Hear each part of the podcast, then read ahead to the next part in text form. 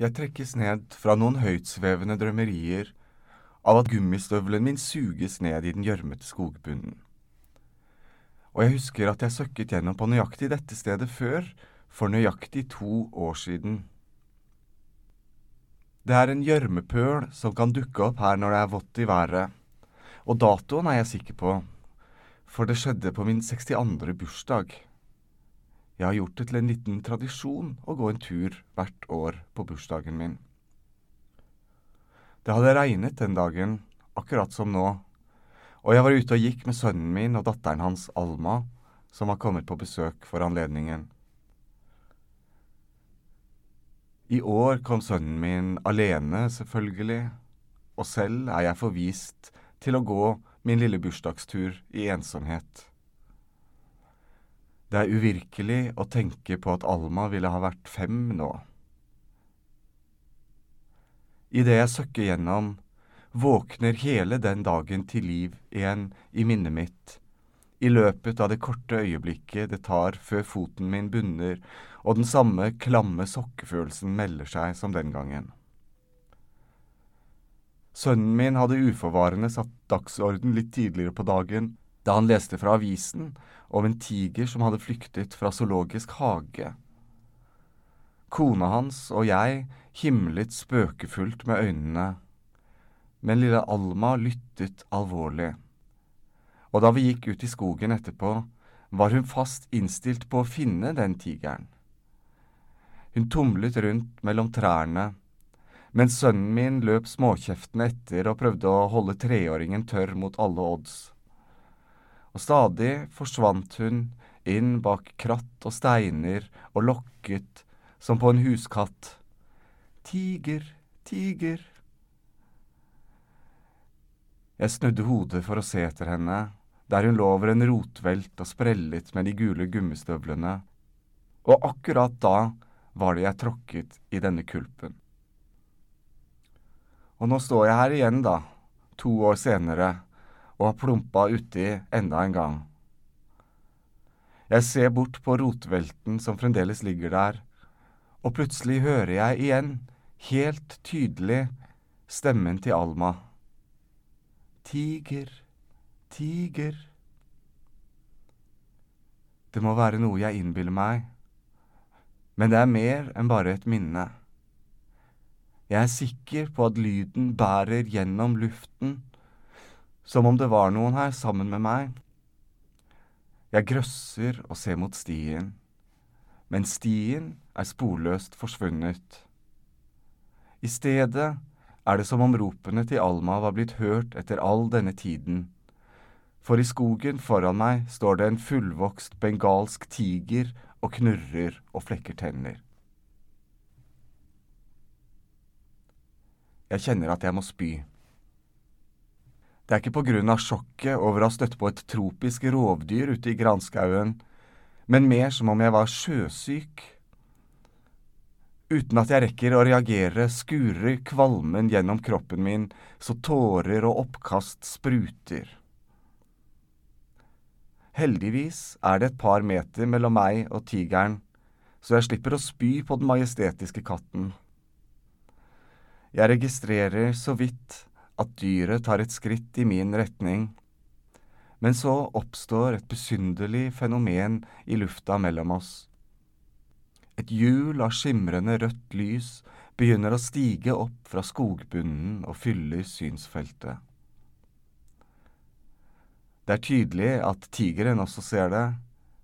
Den freser og viker tilbake. Hjulet har elleve dirrende eker som dreier sakte mens det stiger opp i hele sin velde. Det brummer og skinner med et flimrende lys. Som støv i lysstrimen en blafrende gardin slipper gjennom når noen åpner vinduet for første gang på lenge. Hjulet dreier og durer og trenger seg på i alle sanser.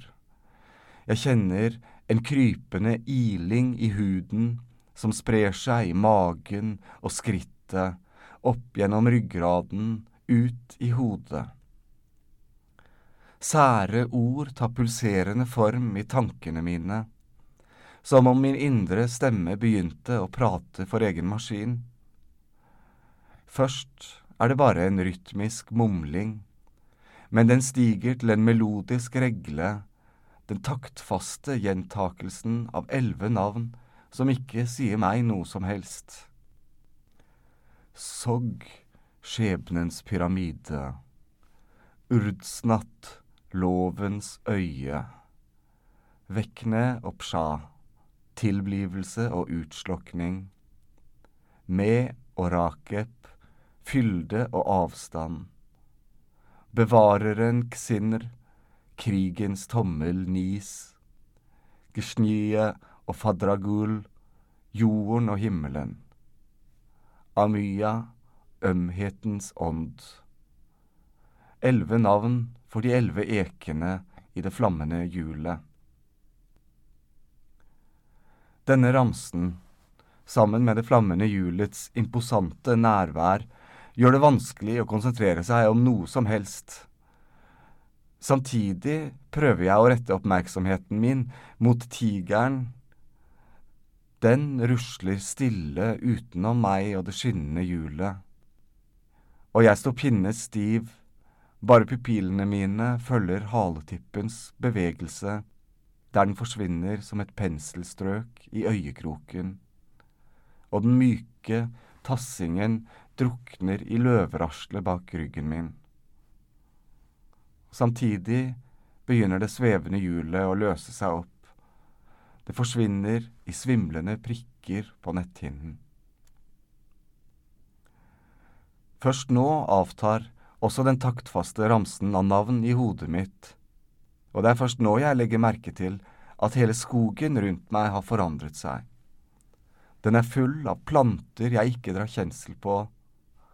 Nåletrærne som jeg kjenner så godt, er erstattet av enorme løvtrær med rødgrønne stammer.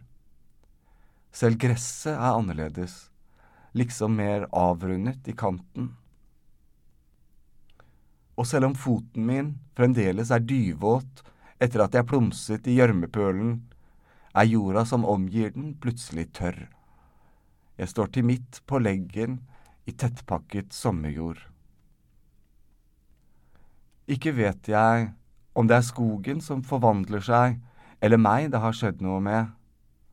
Og ikke har jeg tid til å bli stående og tenke over saken. Først må jeg ut av denne støvelen. Jeg lirker foten gjennom det sleipe gummiskaftet og får tvunget den ut av jorda, skreller av meg sokken og tar av meg på den andre foten også. Støvlene mine har lisser som jeg fester i en haspe i dongeribuksa.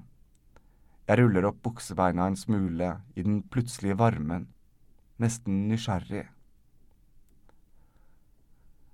I baklommen har jeg en nymotens mobiltelefon som jeg fikk av sønnen min i fjor. Vanligvis blir jeg bare irritert over dens stadige piping og blinking. Men nå som den for en gangs skyld kunne ha kommet til nytte, er den mørk og stille. Jeg legger den tilbake i lomma som en porøs stein man tar med seg hjem fra strandtur. Skogen er merkelig stille etter det dramatiske møtet med tigeren og det eteriske hjulet. Jeg ser meg om etter faste holdepunkter, men det eneste jeg er sikker på, er at jeg aldri har vært her før. Jeg kan ikke engang bestemme himmelretningene, for jeg har ingen klar sikt til solen gjennom det tette grenverket. Noe sier meg at jeg heller ikke vil finne noe slikt som en sørvendt maurtue å orientere meg etter. Her kan jeg i hvert fall ikke bli. Jeg vandrer langsomt innover i skogen. Jeg begynner å rope, men jeg får ikke svar. Jeg har hørt at en som går seg vill i skogen og prøver å komme ut i en rett linje, ofte ender opp med å gå i ring. Derfor skulle det visst være bedre å prøve å gå i ring for å komme seg ut i en rett linje. Akkurat det siste kan jeg ikke huske hvor jeg har lest, men jeg tror det var enten Beckett eller Ole Brumm. Uansett er det kanskje like greit jeg mest av alt går på måfå, i det aller minste vekk fra den tigeren. Jeg skrider gjennom villnis, opp og ned forvridde steinformasjoner og forvokste tuer. Jeg skvetter til samtidig som et dyr skyr unna i et blomstrende buskas litt lenger borte.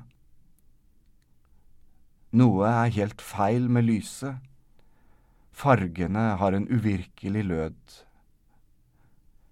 Etter en stund blir det mørkt, og natten kommer med fremmede lyder som setter seg i nesen, som lumre nattlukter.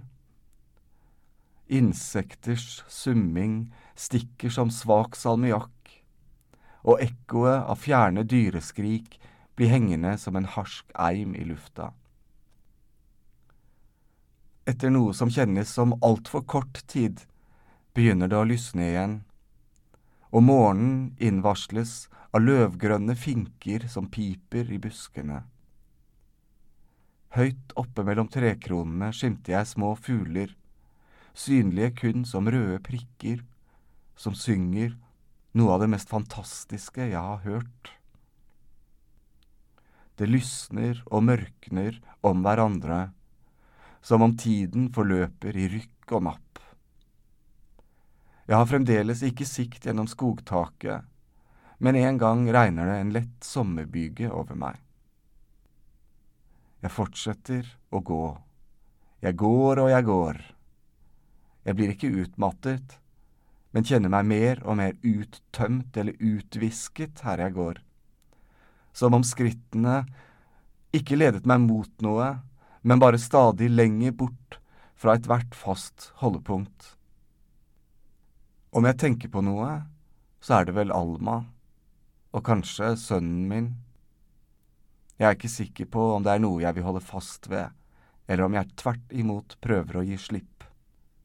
Egentlig vil jeg ikke tenke på noe som helst her jeg går.